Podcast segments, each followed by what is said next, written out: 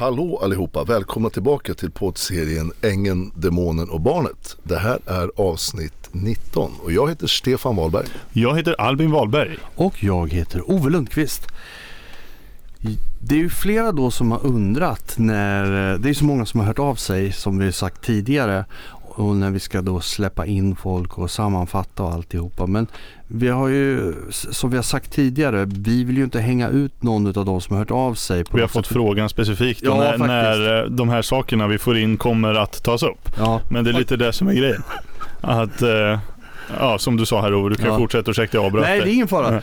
Nej, för, och, och vi, vi, vi har ju då, vi kommer Vissa saker kommer vi ta upp kollektivt, det, det personen säger. Men det är ju en del som faktiskt sitter på kanten och vill träda fram och faktiskt vara med i podden och berätta sin historia. Du kan ju ta lite du Stefan. Du har ju, det är du som egentligen har varit i kontakt med allihopa. Ja, precis.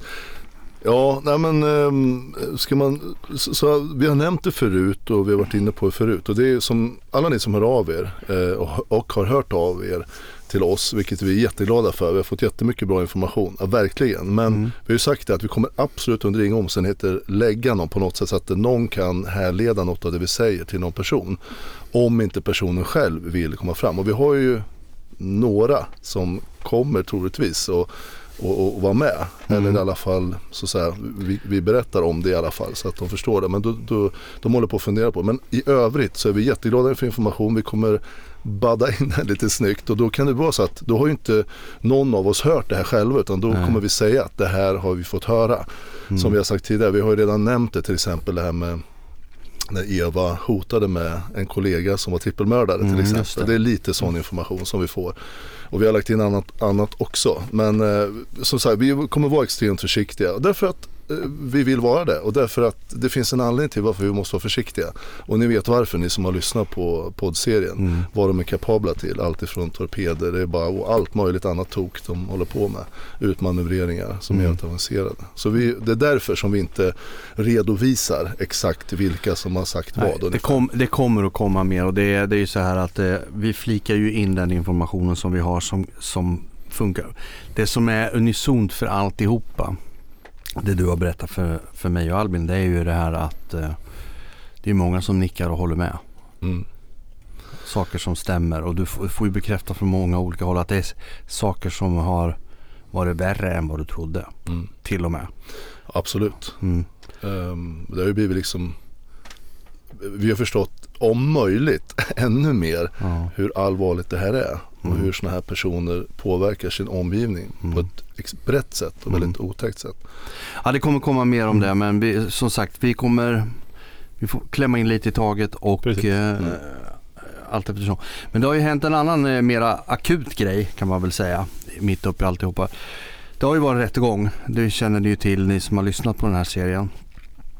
Och eh, domslutet blev ju faktiskt framskjutet. Det kom inte på det datumet som det var sagt. Från början var det sagt den 16 men eh, på grund av eh, hög arbetsbörda eller vad orsaken var så sköts det fram till den 23. Mm.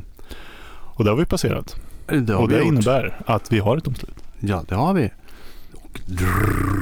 Trumvirvel på det. Vi gör så här. Vi ska ta oss igenom den här lite grann och prata lite kring det innan vi liksom talar om vad domslutet blev. Så. Så jag har väl tagit på mig uppgiften att läsa upp då det här delar av domslutet så kan vi prata lite kring det. För jag var ju inte med i, i rättssalen. Nej, vi har ju tagit upp lite grann redan eh, rättegången. Mm. Det gjorde vi förra podden. Ja. Att den har varit och så här, och då visste vi ju inte vad, vad domen skulle bli. Men, eh, så en del vet ni redan. Men mm. ja, fortsätt. Men jag gör väl så här då, vi, för domaren har gjort en sammanfattning på det här. Vi kan väl börja egentligen och säga så här innan vi går in på det här.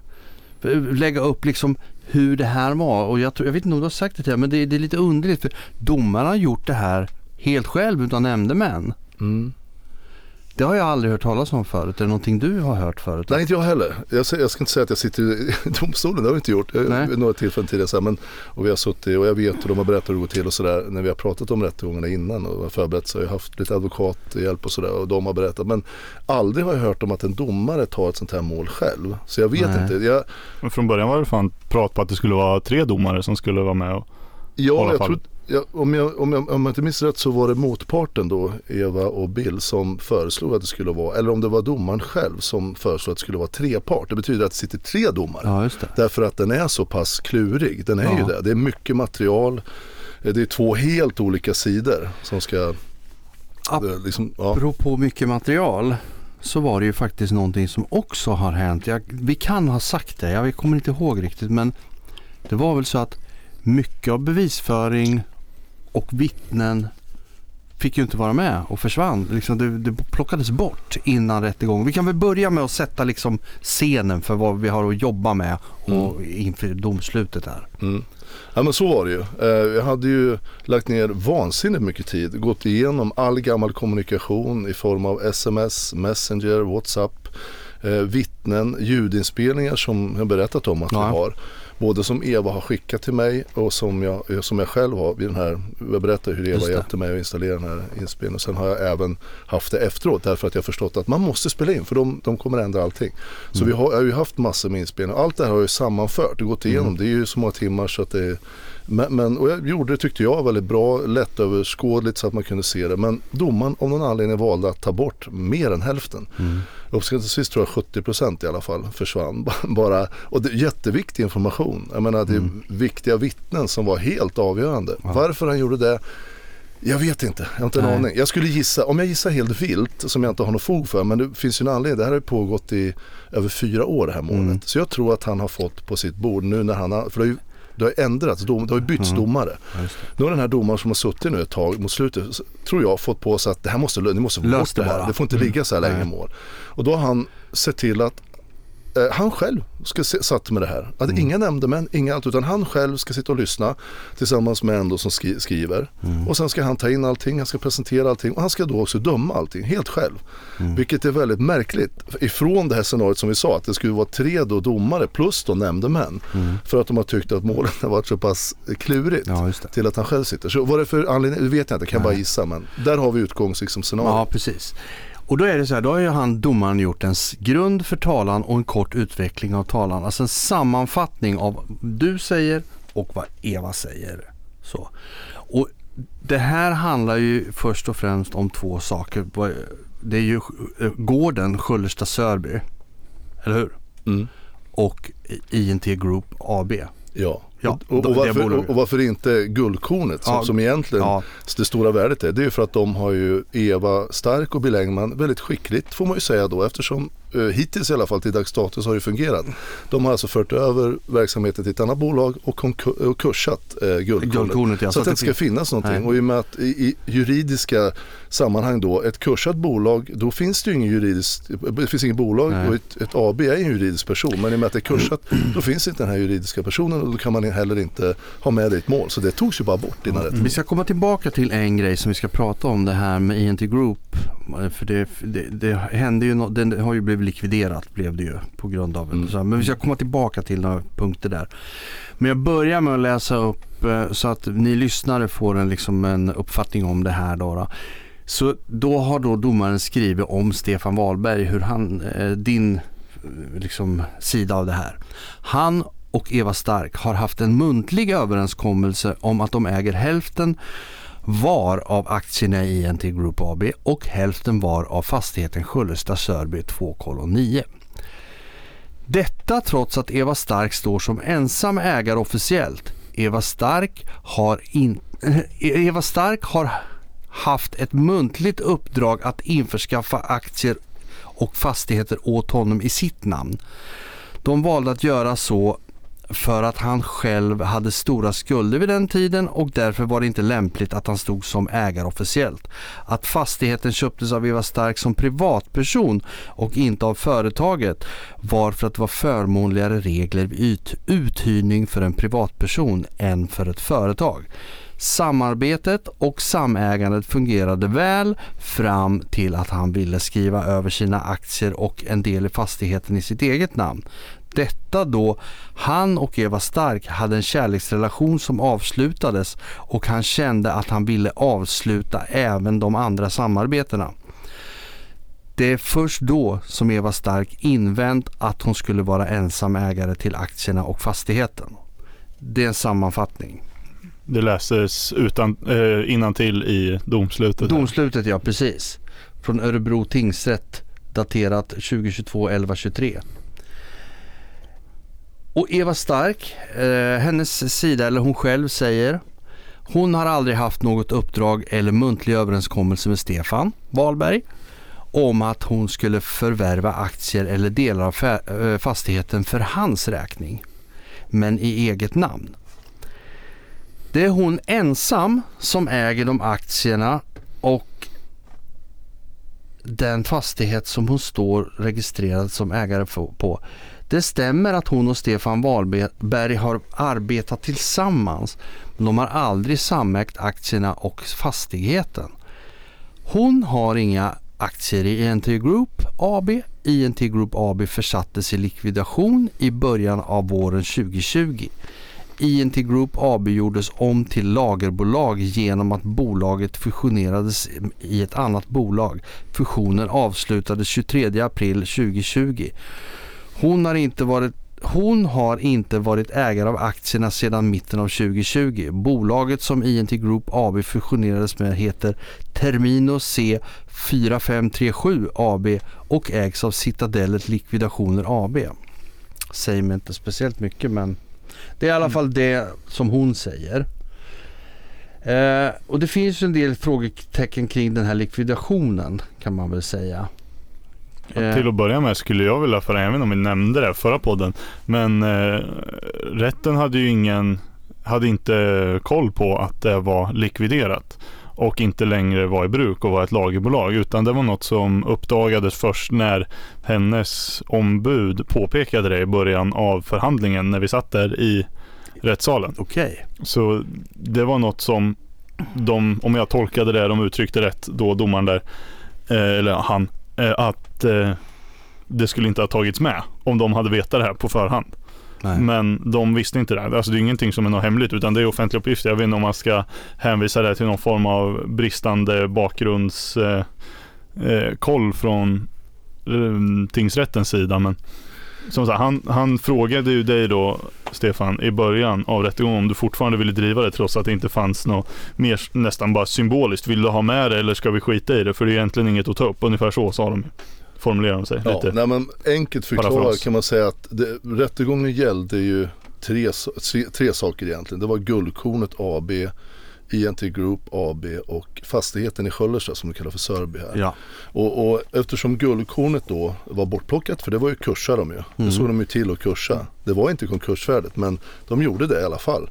Och det där får vi se efter spelet. Det, det, jag lovar, det kommer komma mera runt det. Mm. Jag kontaktade en, en advokat som, som har kikat på det. Men, men hur som helst, vi återkommer till det. Men då, då som är kvar då, det är ju INT Group AB och fastigheten. Mm. Och INT Group är ju faktiskt eh, nollat, eh, likviderat. Alltså, det, det är liksom inte konkursat. Och det är skillnad, för är det konkursat mm. då är det liksom borta. Mm. Är det likviderat eller nollställt och det är övergått till ett lagerbolag då någonstans formellt så blir det så här, ska man ha kvar eller inte eftersom stämningen också innehöll mm. INT Group AB. Då lät domaren det vara kvar. För att hade vi också tagit bort INT Group AB som egentligen är nollat, det finns ju inget värde liksom. Nej, jag förstår. Utan det är bara det att jag vet inte om domaren såg det som att hade det bara varit fastigheten så hade det blivit otroligt lite kvar och rätt ynkligt och nästan alla bevis, eh, alla, all bevisning hade nästan tagits bort. För den lilla fastigheten som är kvar det, hade liksom, det blir ju ingenting kvar. De har ju spelat ut alla bolag som vi har haft tillsammans på ett skickligt sätt får man väl säga. Mm. Men domaren lät INT Group vara kvar därför att då kunde jag också ta fram en del bevis för en hel del mm. som också inkluderar alltså det totala samägandet mm. såklart. Jag vet inte annars vad anledningen var. Men, men som sagt, det är inte kursat och därför var det kvar. Och därför fick det vara med i rättegången. Det har inget värde att, att prata om. Mm. Men, men det var ändå kvar. Och liksom, det gjorde att jag kunde ta fram en del eh, ja. bevis och en del vittnen som också kunde vittna om andra saker. Det kan ju vara om man ska vara lite, vad ska vi kalla det? Eh, ja, men ha till, se till eh, domstolens rimliga rimlighetsbedömning och göra så kanske de hade kvar det medvetet för att du då skulle ha möjlighet att åberopa mer bevisföring. Jag vet inte om man ska se till deras liksom, ja. fördel här och inte säga att det var för att de hade gjort en taskig eh, Nej, undersökning innan och dålig efterforskning. Men eh, det, det, kan man väl ge dem ett plus för så. Ja, om, om det var det. Om, om det var det. Men, men sen är det ju en liten parentes kring det här. Det är att det man märker när man sitter i rätten vi har ju pratat om det tidigare att man, man tror att eh, alla möjliga poliser, man tror att läkare, man tror att domare och allting. Det är liksom, de sitter över och de är alltid objektiva och kloka men de är ju extremt subjektiva. Mm. Man är i händerna. När du kommer en polisman till dig då är du extremt eh, liksom i händerna ja, på den här polismannen. Ja. Mm. Och hans eh, subjektiva bedömningar som det blir. Mm. Sen att han har direktiv att han ska göra vissa saker, det är en sak. Men han gör fortfarande sina subjektiva bedömningar. Slutet av dagen så är det bara människa. Ja, och likadant när det gäller domare och det märker man extremt tydligt när man sitter i, i rättssalen. Att mm. det är ju domaren, han, han är ju extremt auktoritär. Skulle han vara så, skulle någon vara så som en domare, som vissa domare i vanliga livet som företagare och då skulle man ju kalla dem, jag vet inte vad, men, men det är en väldigt speciell miljö. Ja, och, och det, det, någonstans är det så det behöver funka. Ja, jag menar, han, han måste ju ha den totala kontrollen på allt som sägs och görs i rättssalen. Det är ju det som är hans uppdrag. Så man mm. kan ju inte klandra liksom, så långt. Det är väl den ja, bästa nej, lösningen. Liksom. Hans bedömning var mm. för att vi skulle få med INT Group och det var det det gällde och ja. fastigheten. Jag har ju här, eh, ska fortsätta här. Eh, jag ska läsa en grej, sen ska jag sammanfatta en grej för det blir ganska långt att läsa. Men det står så här att om Eva Stark då, hon har känt Stefan Wahlberg sedan 2009 och de träffade i hans akvariebutik som han då drev. När INT Group AB startades och fastigheten köptes var Stefan Wahlberg anställd i INT Group AB. De hade en intim relation men det fanns inga känslor för hennes del.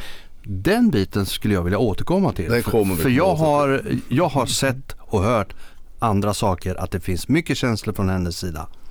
Eh, så det där, den köper jag inte. Och, och, kan man då liksom beta av, jag ska bara säga det innan jag går vidare.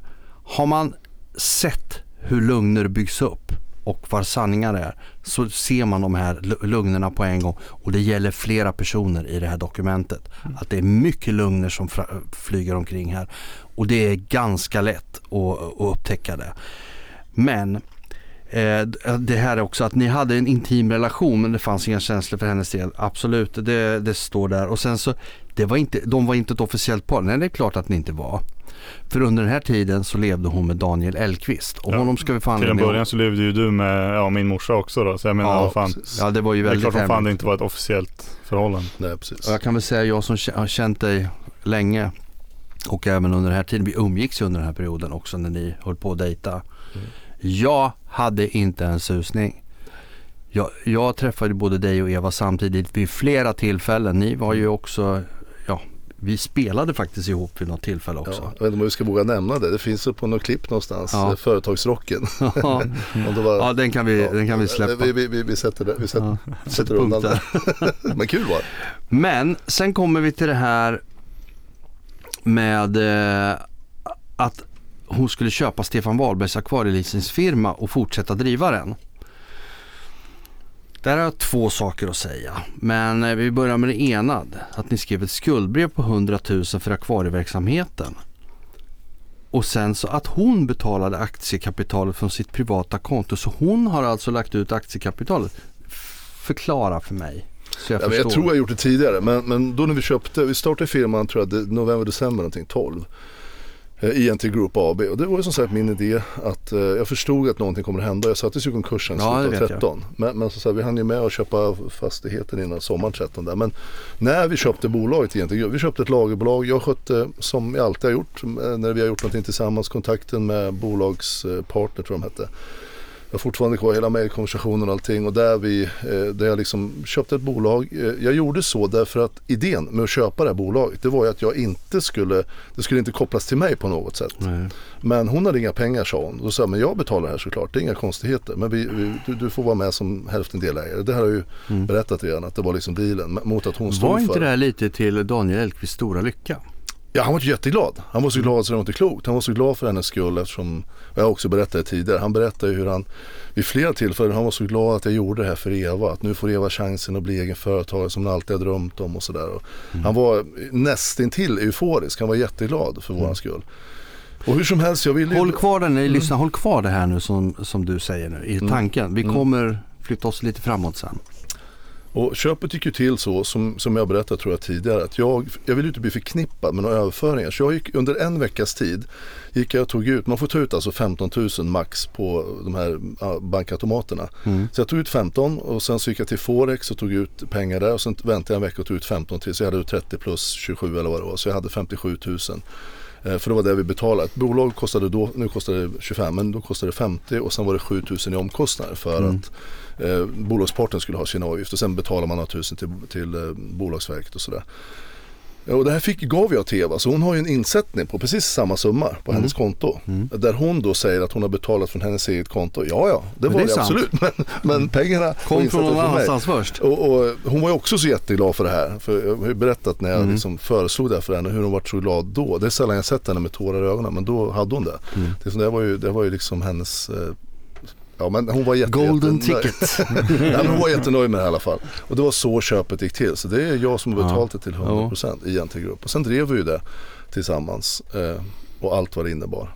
Och när vi skulle köpa fastigheten sen sommar 17 då var det ju egentligen, vi skulle ju ha den till firman.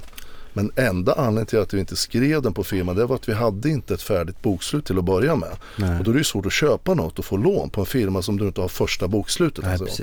Och sen dessutom så ville vi hyra ut fastigheterna, bostadsfastigheterna som fanns, mm. fanns på, på, på liksom, i fastigheten. Det fanns ju två stycken bostadshus. Och då är det mycket förmånligare, kan ni alla som vet som, som har fastighet, så är det mycket förmånligare om man äger en privat. För att mm. få hyra ut om det är 50 eller 60 000 per år, per fastighet, skattefritt. Ja. Det behöver man inte skatta för. Så det är liksom väldigt smidigt. Då sa jag, men fan då tar vi den privat såklart. Mm. Och då gick, var det ju nästa steg där. Mm. Men det hade hon fastighetsmagnaten väldigt stor koll på. Mm. Mm. Precis. Precis. Sen är det så här också lite längre ner så kommer vi till de här, för du hade ju ljudinspelningar som du eh, spelade upp eh, i rätten. Du fick ju spela upp lite grann, mm. inte allt som du ville. Jag tog bort det mesta men ja. en del låg kvar. Men hon säger då att hon har inte skickat några ljudinspelningar till Stefan Wahlberg. Hon hade full, han hade full kontroll över hennes mobil under många år. Han tvingade henne att säga vi när det gällde bolaget. När hon inte gjorde det så var hon illojal. Han gick igenom hennes e-post, hennes sms-konversationer och sociala medier. Han fick, hon fick redogöra för vem hon pratat med och hur länge och det eskalerade de klev in i samarbete med Bill Engman. Vilken elak person den här Stefan måste Ja, den är Stefan Wahlberg. Jag ska säga, du måste ju vara ett geni. Jag ska säga så här, vad, vad jag vet och känner till om dig så du, du är liksom digital inkompetent. Ursäkta Stefan, jag tycker om dig ändå men är det något du inte kan så är det sådana här saker. Alltså du, det, så är det. Och visar man hur du ska göra så kan du hanka det fram. Men det här är någonting som du aldrig skulle kunna klara av själv. Och ska vi summera det så här då? över en mobil. Att vi sitter tre här istället för jag och farsan. Vi, vi har ju snackat om att fixa en podd i mm. ett tag. Och sen Ove kom du in i bilden. Mycket för att, ja, du kan skiten. Mm. Ja, jag, vi, vi skulle säkert kunna lösa någonting. Men det tar tid. Det tar tid och det kräver mycket kompetens. Ja. Och den kompetensen besitter du. Men det är så här, vi är duktiga på olika saker. Det där är faktiskt den grejen som du med stolthet just nu kan säga att du suger på.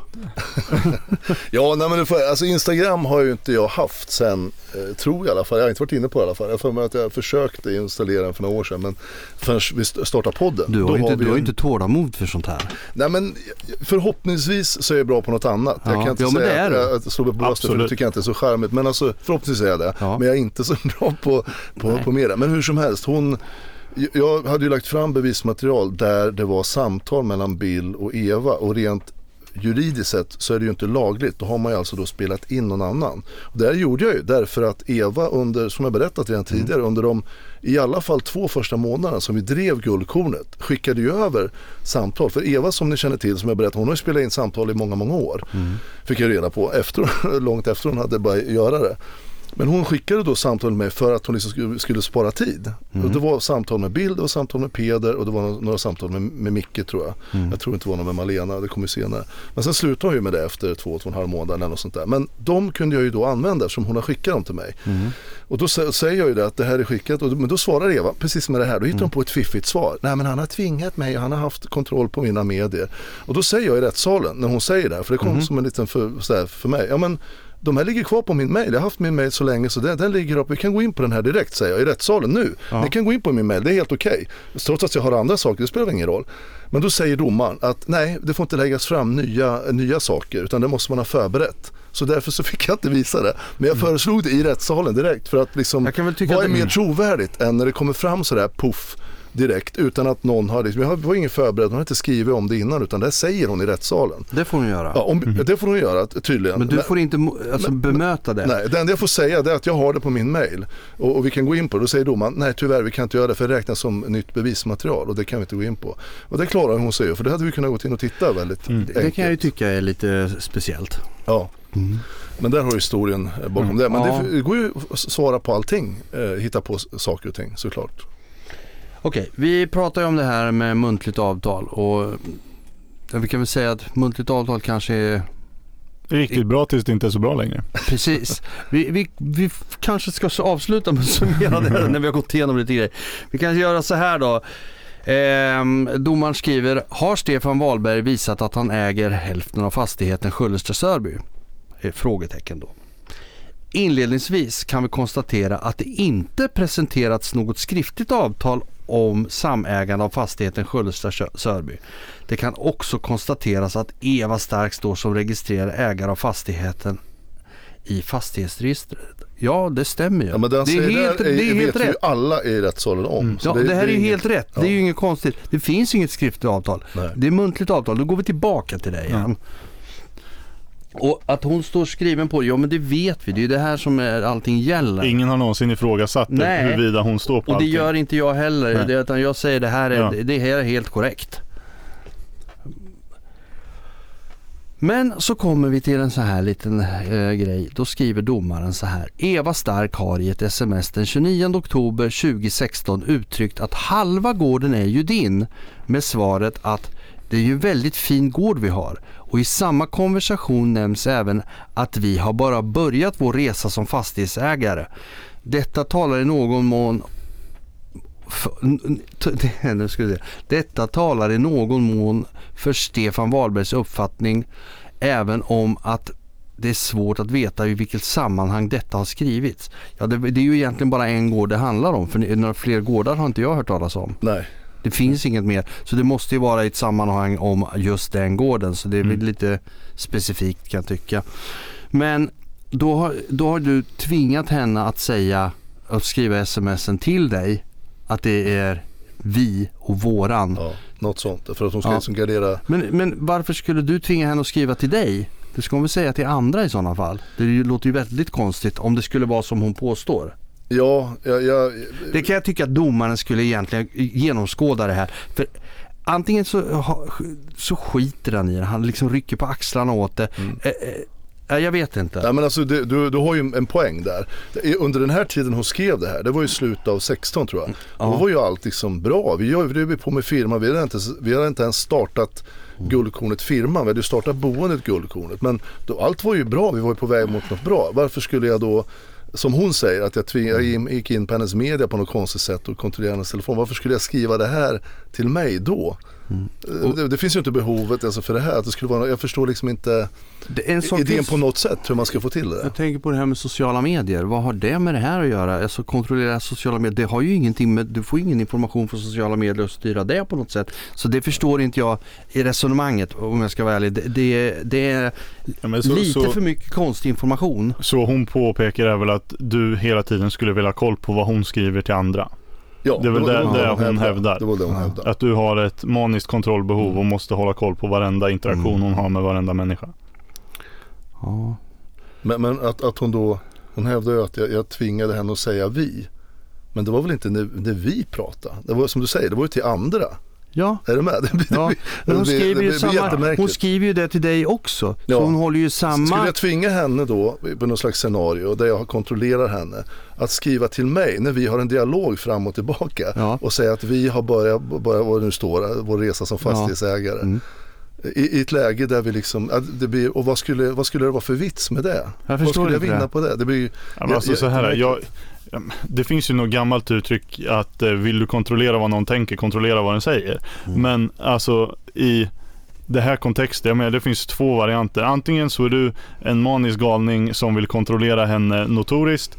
Eller så är du en entreprenör som fick skit, fick hjälp av henne för att hålla huvudet över ytan och ni har ett väldigt eh, gynnsamt samarbete för båda och det går bra för er när ni driver företag ihop. Mm. Det är ungefär så enkelt det är. ja, ja. Nej, men, och den, den, den, den slutgiltiga på något sätt blir ju att, ja, varför svarar man sånt här? På allt som jag lägger fram som är väldigt Mm. tydlig bevisföring. Jo, därför att man vill förvirra som narcissister gör. Ja. De Exakt. skapar sin narcissistiska sallad som jag pratade om tidigare. Och det här blir en soppa för domaren så han kan inte se. Det finns bara, som vanligt, alltså en narcissist säger alltid en annan, ni som har råkat ut för det, ni vet det, säger alltid en annan variant på det du försöker påpeka eller till och med bevisa eller till och med, jag såg ju det här, till och med videofilm, nej, det här är ett annat, då säger de något annat, att den är fejkad eller animerad eller, alltså de har alltid svar, ett alternativt svar. Där det då uppstår förvirring. Vänta, vad- nu är det ju två som pratar emot varann. Det här var klurigt. Det, det, det är en jättebra taktik. Domaren här, han är, han är så förvillad av det här så han, han vet ju inte vad han ska tro. Nej. Nej. Lite synd om Nu honom kanske. anar ni som lyssnar vart det här kanske barkar hem. Ja. Men, men, Men, men. vi får se. Det är ju så här, eh, jag som då inte var i rättssalen, jag läste igenom det här dokumentet. Jag ska behöva läsa det en gång till lite mer noggrant faktiskt. Så, men eh, jag har läst igenom det. Och det jag slås av, det är att när de gick in i rättssalen så gick de igenom en dörr som en, en, en lucka. En minneslucka. Och hamnade i det glömda rummet. Nu är det lite poetiskt. Ja, men det är Det är det sant. Ja. Eh, Det är många som inte kommer ihåg. Fast de egentligen borde göra det. Vi ska ta, vi kan ta en här nu. Mm. Daniel Elkvist. Som är egentligen den, ett av de, om kanske det viktigaste vittnet. Ja. Mr Policeman himself. Han är då polis och så som du har beskrivit Daniel för mig. Att han är en av de ärligaste människor och kan inte ljuga. Det var min uppfattning. Det var din länge. uppfattning. Väldigt Ja, och det, den eh, har jag nog levt med hela vägen ända fram tills på slutet här. Så har jag fått en annan uppfattning om honom. Att han kan visst ljuga.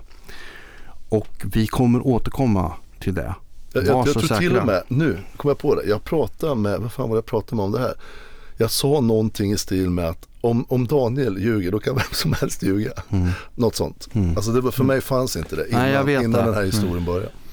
Så vi ska väl börja med att säga så här, jag ska läsa då. Daniel Elkvist har uppgett att Eva Stark köpte fastigheten Sköldsta Sörby och att hennes tanke var att hyra ut det till ett företag. Han vet inte vilket företag, men det var ett akvarieföretag.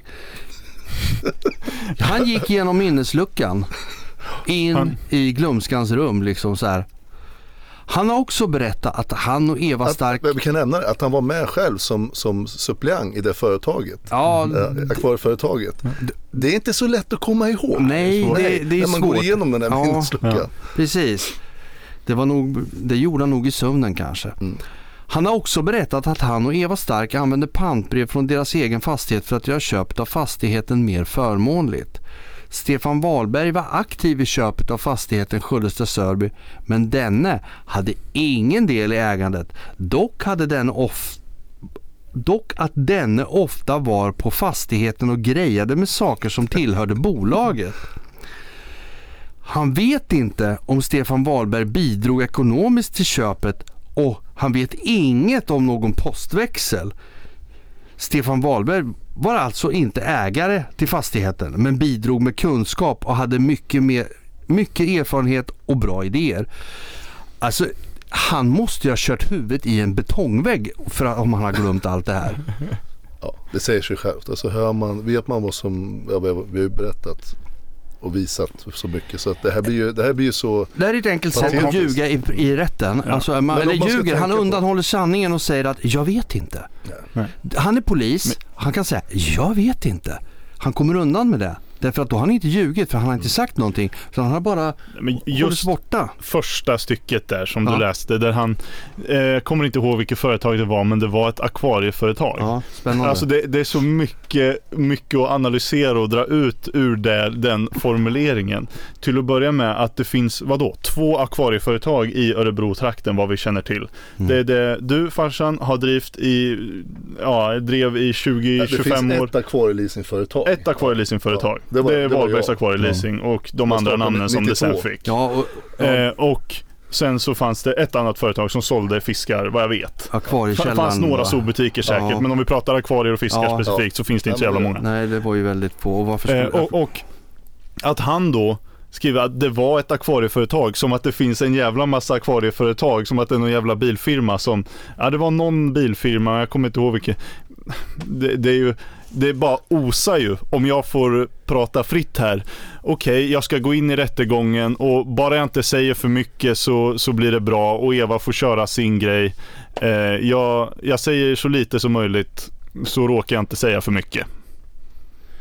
Eller har jag fel? Nej men det, det, det, du satte fingret på, det är precis så. Eh, det, det finns ingen annan vettig förklaring. Här sitter han som jag sa, som, han är med i ett företag. Han, är, han har varit medveten hela tiden. Du och Daniel Hellqvist, om, om du nu har mage, vilket du borde ha och lyssna på det här, så, så vet ju du allt vad som hände. Du sitter här i rättssalen, precis som du säger, vad är, vad är enda rimliga förklaringen? Jo, han har bestämt sig för och pratat med Eva innan. Säg nu inte för mycket, det är bättre du säger att du inte kommer ihåg. Det har väl Aron rått honom, vilket han ska göra som juridiskt ombud för Eva. Ja, och han är polis, han fattar väl själv också ungefär hur man ska uttrycka sig. troligtvis. Eh, och sen så ska inte han komma ihåg. Och, och just en sån formulering, det är ju sådana här små detaljer som avslöjar lögnaren ofta. Om man Ja. tittar på en sån här formulering, ett akvarieföretag, jag vet inte vilket. Och då sitter han själv med och är fullt medveten om att det är han, han det, det är bolaget som Eva då och jag hyr ut till. Vi hyr ut fastigheten till vårt eget bolag. Ja. Han, vi pratar om det här ofta. Jag var ju där liksom, inte varje dag men nästan. Eh, vi kan väl ta eh, här lite grann en eh, lite grann om vad domen blir innan vi fortsätter vidare på nästa fråga. För det här är, nu pratar vi, nu pratar vi om Skellefteå Sörby. Eh, och då säger domaren så här. Sammantaget så finner tingsrätten att det får sägas finnas st- eh, visst stöd för att Stefan Wahlberg varit hälften av varit hälftenägare av fastigheten Sköllersta Sörby. Tingsrätten avser framförallt sms-konversationen. Du äger ju halva gården. Men att Stefan Wahlberg inte har visat att han och Eva Stark träffat ett muntligt avtal om samgåendet av fastigheten Sköllersta Sörby. Den delen av Stefan Wahlbergs talan ska därför avslås. Nu kommer vi till det här med muntligt avtal. Kom inte och säg att muntligt avtal gäller. Gör inte det. För det, gör, det gäller verkligen inte. Du måste bevisa.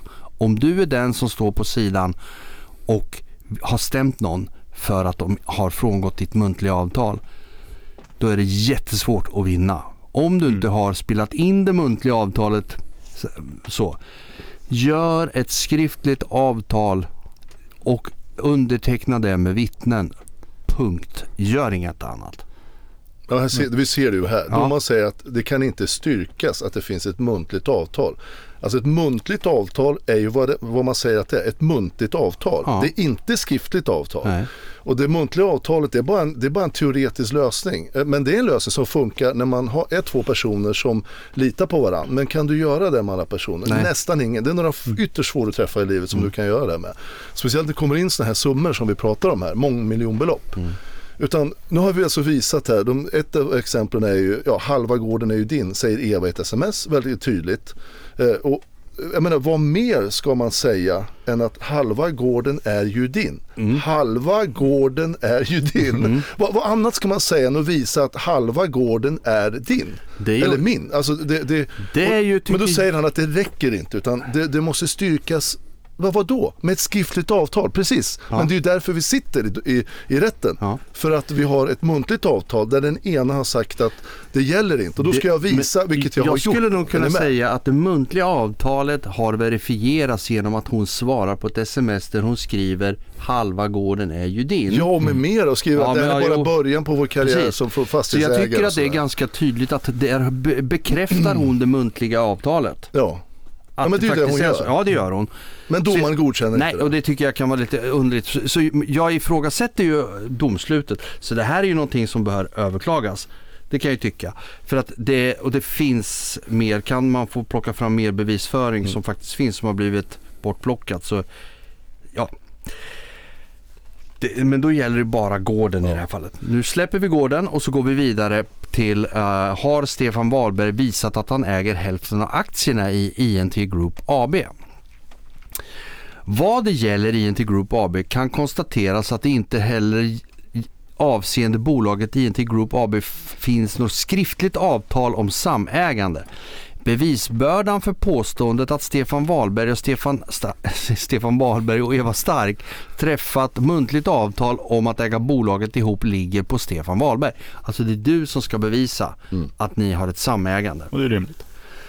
Och eh, jag antar att det finns massa sms-konversationer som skulle kunna bekräfta det här genom eh, liksom som man kan lyfta fram. Stefan Wahlbergs eh, förklaring till att det inte skrevs något skriftligt avtal om samägande är att han inte ville synas på papper eftersom han hade skulder och framstår i sammanhanget inte som osannolikt. Eva Stark har dock uppgett att hon startade INT Group själv i december 2012 för att importera katt, hund och hästsaker samt för att kunna köpa Stefan Wahlbergs akvariumsleasingfirma och fortsätta driva den. Vidare har hon berättat att det aldrig varit tal att Stefan Wahlberg skulle äga hälften av bolaget. Därutöver har hon anfört att hon inte har några aktier i INT Group AB längre eftersom bolaget likviderades genom en fusion till ett annat bolag som vi nämnde lite tidigare. Mm. Eh, det- det är en sak som jag skulle vilja fråga dig om eller ta upp. Jag har ju faktiskt hört ett telefonsamtal mellan dig och en tidigare akvarieleasingskund Mm. Där hon hade oerhörda problem med Eva och ifrågasätter starkt henne som ägare till bolaget för hon Mm. vet, för hon skrev avtal med dig och visste att du ägde bolaget. Hon fattade inte riktigt vad som hade hänt. Hon vet att du ägde det och det hette, alltså det hette ju Wahlbergs Akvarieleasing. Mm. Det hette inte Stark eller Nej, sen då, vi har döpt om det från Varbergs Coalition till Ocean World sen för att Ja. vi skulle få liksom mer, ett, ett, ett mer större namn om man Mm. säger så. Mm. Men det är samma, sam, precis samma Ja. bolag hela tiden, samma Och- verksamhet. När jag, prat, eller när, jag pratade, när jag hörde det där samtalet så förstår jag hennes frustration, alltså den här kunden. Över att det var ingenting som fungerade. Hon blev eh, fakturerad för jobb som aldrig gjordes. Och det, var, alltså det var jättemärkligt. Mm. Och vad jag har förstått så var det flera kunder så du, så du fick städa och åka runt och jobba gratis för att få det här och liksom upprätthålla någon ordning. Ja, nej men eh, den delen av vår verksamhet, när vi startade stödboendet då var det ju sån ekonomi där. Så då, det har jag berättat om tror jag tidigare. Då sa Eva att men akvarierna de struntar vi nu, det är ingenting att hålla på med, vi skiter i dem. Men sa vi kan inte skita i dem, det är ju våra gamla kunder och det är ju ändå en del pengar som trillar in varje månad. Mm. Vi måste ju vara seriösa och ta hand om dem. Mm. Ja men då får du göra det. Ja då gjorde jag ju det. Och sen när då sprickan kom här i slutet av 17 så eh, då fortsatte ju jag sköta akvarierna själv. Jag hade ju en kontakt där med Eva och in Ja. på 18. Och sen skötte jag dem bara för att, men kru- kruxet var att Eva fortsatte skicka ut fakturer. Så hon fick in alla pengarna. Jag fick inga pengar utan jag la ut egna pengar Ja. i det material som behövdes. Inte så mycket men be- bensinkostnader och så. Vi hade ju akvarium bort i Värmland och runt om. Och i Örebro här ett antal eh, stycken eh, bortåt Lax och, och lite sådär. Och jag fortsatte att sköta dem där men till slut efter jag hade gjort det i något år, ett och ett halvt. Alltså fortsatt då. Ja. Eva fick in alla pengar på sitt konto, hade noll omkostnader eftersom jag skötte dem privat, i privat regi. Bara för att ta hand om dem. Då sa jag till kunden att eh, det kommer att bli en ändring så att ni kommer debitera mitt bolag istället. Då. Och då, okej det, det är klart det är du som är här, vadå? Det är, liksom, är inte du som, då fatt, jag hade ju inte velat bråka med dem. Alltså komma Nej. till en kund och säga, jag har en före detta partner som ställer till ett helvete här. Hon ljuger om allt mellan himmel och jord och hon fortsätter skicka fakturer. Hon bryr sig inte egentligen men det här gör ju hon för att, ja, vad hon nu gör allting för. Mm. Eh, Och det vill jag ju inte göra utan jag, liksom, jag lät det här vara tills vi eventuellt skulle komma överens om att jag skulle kunna ta över dem eh, liksom, i en uppgörelse. Men den här uppgörelsen, den vart ju aldrig. Det vart ju strul och de sköt på det och det var det ena och det andra. Förlikningsförsöken de misslyckades ju för de bjöd ju så dåligt och så Det här vet ni alltihopa. Men Mm. till slut så var jag tvungen att nämna det för, för för att kunna liksom sköta det. Och när jag då gjorde det, när de skulle då sluta eh, och betala Eva, så fortsätter hon att skicka fakturer och hävdar att det är ju hennes, det är hennes avtal och allting. Fast grejen är att det är ju muntliga avtal som är gjorda med mig. För det var gamla kunder som jag haft jättelänge. Mm. Och de utgick ifrån att det var jag som fick pengarna. De fick reda på att, ja men okej, ni har de, vi har delat på oss. Jag sa lite snyggt bara, vi har delat på oss och nu kommer, ni, kommer jag debitera istället och då behöver ni inte betala den här fakturan. Då börjar hon bråka och hota med att hon ska skicka de här fakturorna till Kronofogden och allting. Och då har alltså, hon har inte rört akvarierna på ett och ett halvt, två år någonting. Nej. Hon har ju skitit fullständigt i det. Det enda hon har gjort är att suttit och skicka ut fakturor. Det har hon bemödat sig med. Men hon, då, när de ska då byta till mig, som, det har jag mina kunder hela tiden. Från för fan, många från 90-talet. Då hotar hon alltså med att skicka till Kronofogden. Och kunderna, de flesta av dem, de tyckte det var så jävla olustigt för hon gav sig inte. Hon verkligen hotade, hon skickade ju så här kassokrav och allt möjligt. Så de sa, Stefan, jag vet inte vad som pågår här, vi vet inte vad som pågår här men vi kan inte, vi kan inte jobba så här. Så de flesta sa ju upp sina avtal. Så jag vart jag med i princip alla kunder tack vare Oj, det här. Ja. Eh, och det var ju liksom, mm. hennes mål det var att jag inte skulle få in några pengar tror jag. Så att jag skulle kunna bedriva ett försvar och kunna få en advokathjälp och sådär. Mm. Men tillägga på eh, jag tror jag vet vilken, vilken kund du hänvisar till ja. här Ove när du säger att eh, de har pratat om att det håller på att strula. Eh, hon ska, e- Eva så ska jag även hävda till den här kunden att eh, det inte alls är dina kunder och att du inte hade någon rätt att teckna avtal med kunderna utan att det är hon som har haft avtalen och att du har misskött dig för att du har tecknat avtalen. Ja, hon, hon, hon, sa till, hon hade sagt till den här som, som, ja. som ja, får ja. se om vi lägger upp det, det skulle vi fan med göra. Ja. Se om vi kan göra det på, ja. på ett snyggt sätt. Det att jag hade hävdat att jag också var ägare till bolaget och då hade hon sparkat mig. För det har jag aldrig varit hade hon sagt. Så därför fick Stefan sluta. Men hon, hon, hon, hon var även specifikt frågande. Hon Problemet är att den här kunden, vi började jobba jag och Eva, hon började jobba åt mig 2010 mm. som ni kommer ihåg. Den här kunden tror jag jag, jag fick 2005 eller sånt där. Ja. Så det är ju en gammal kund som har hängt med mig. Så hon fattar ju vad fan det här Eva, vad fan håller Eva på med? Men, men, jag hörde alltså, jag, på henne att hon tyckte det var jättemysko. Ja. Hon tyckte det var skitmysko. Ja. Och jag vill minnas specifikt att hon hävd, Eva ska ha hävdat att du inte hade någon rätt att teckna något avtal i hennes bolag. Ja, det var typ något sånt. Ja. Det, det är liksom helt uppåt väggarna om man räknar in tidsramarna ja. i det här när ja, avtalen tecknades ja, och så vidare. Vi, vi kan ju lägga det här under att när man börjar ljuga i stor skala om allt möjligt då blir det ju sådana här konstiga versioner mm. där folk fattar men vad fan det här, det, det, här, det här är ju inte klokt. Och precis som, som vi har sagt tidigare det, här går, det finns ju ingen rimlighet i det liksom. Mm. Vi ska göra så här, vi ska gå vidare. Jag sa så här, det finns säkert någon konversation och, eh, om det här med samägandet.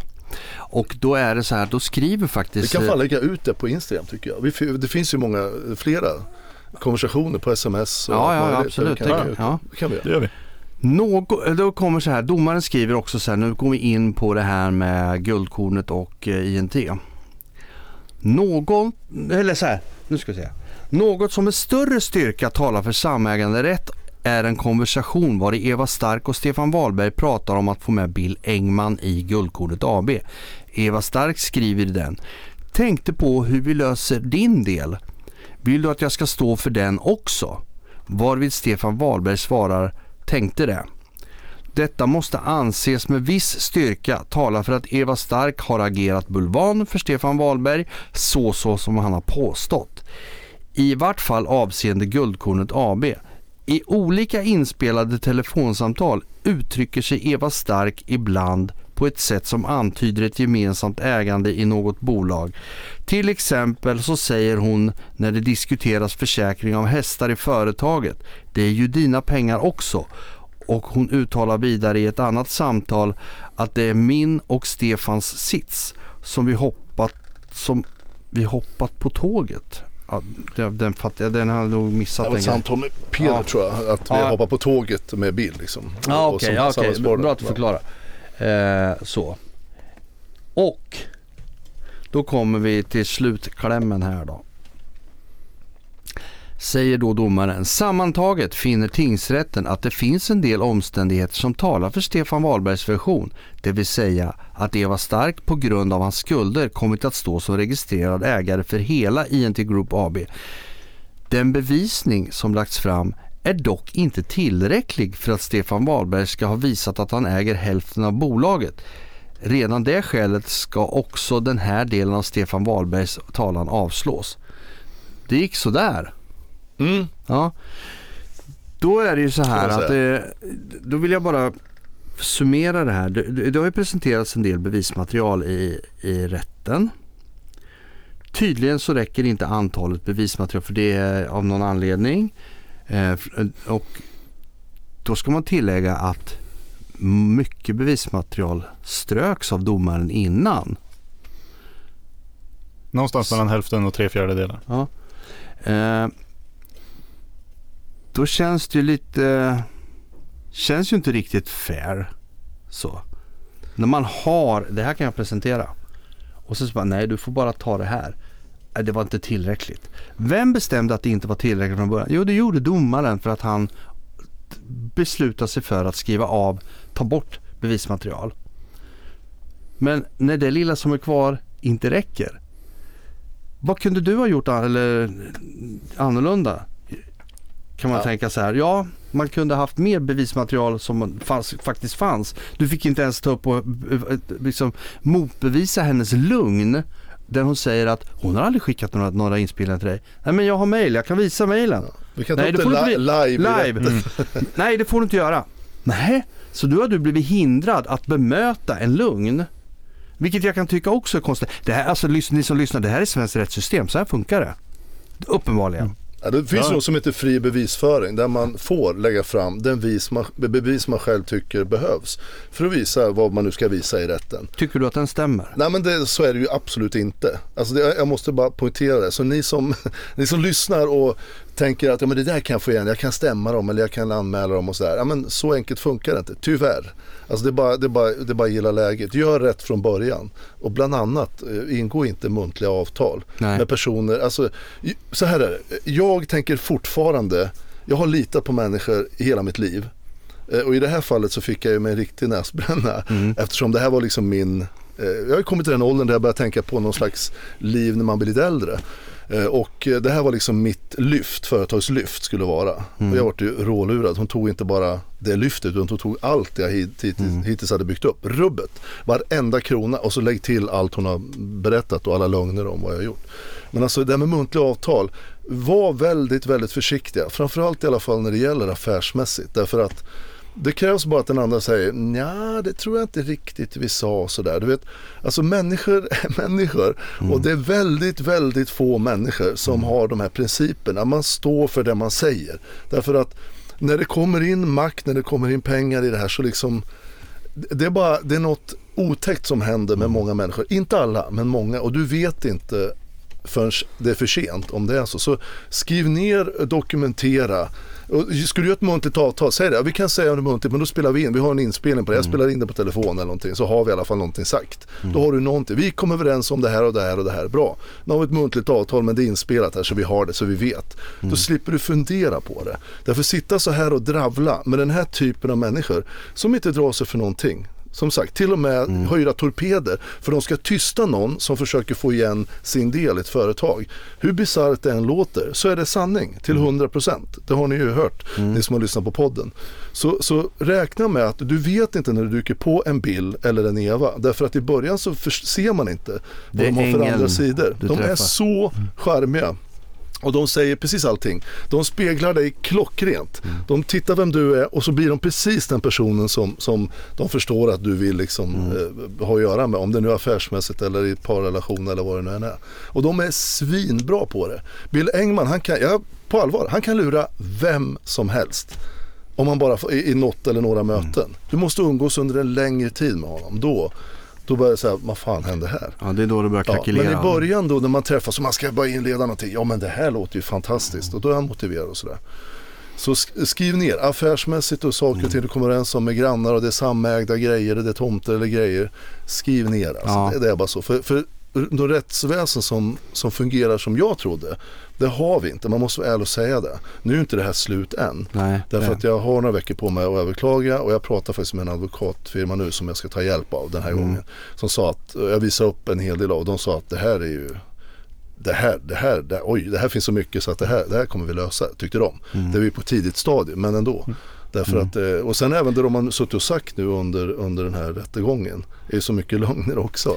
Och det ja, kan man ju då det gör använda ju i ett faktiskt, Ja, precis. För det var det jag tänker vi ska, för, för, det, som jag faktiskt sa tidigare och det jag menar faktiskt allvar när har gått in i en minneslucka in i glömskans rum. Ja. Och, och det är inte ett skämt utan när jag läser det så ser jag, men fan det här är inte på riktigt. Jag tänker vi ska avrunda, men jag ska avrunda med att säga det att den här polispodden, den är på, den är på gång och vi har, den kommer bli bra. Det, Ja. det, det är Det är därför den dröjer. det är därför den dröjer för att den kommer bli riktigt bra. Vi måste tänka igenom den bara hur vi, hur vi paketerar den bara. Det är det. Men vi skulle ju köra en nu var det tänkt, men det har Ja. kommit fram mer Mer, ja, som vi måste ta med. Ja. Liksom. Och det här blir det, det här blir nog den mest, spännande podden hittills skulle jag vilja påstå Ja. i alla fall. Ja, av det som, eh, Eh, Sen kan jag lägga till en liten, liten sak som av de här alla som nu faktiskt hör av sig som jag har kontakt med. Eh, så är det ju så, jag måste bara nämna det. Jag nämnde ju att Eva eh, hon eh, hotade ju någon gång någon sån här samarbets, hon hade ju någon, någon, Ja, någon typ av- Så hotade hon med att ja men då får du prata med min kollega, samarbetspartner, så han är trippelmördare.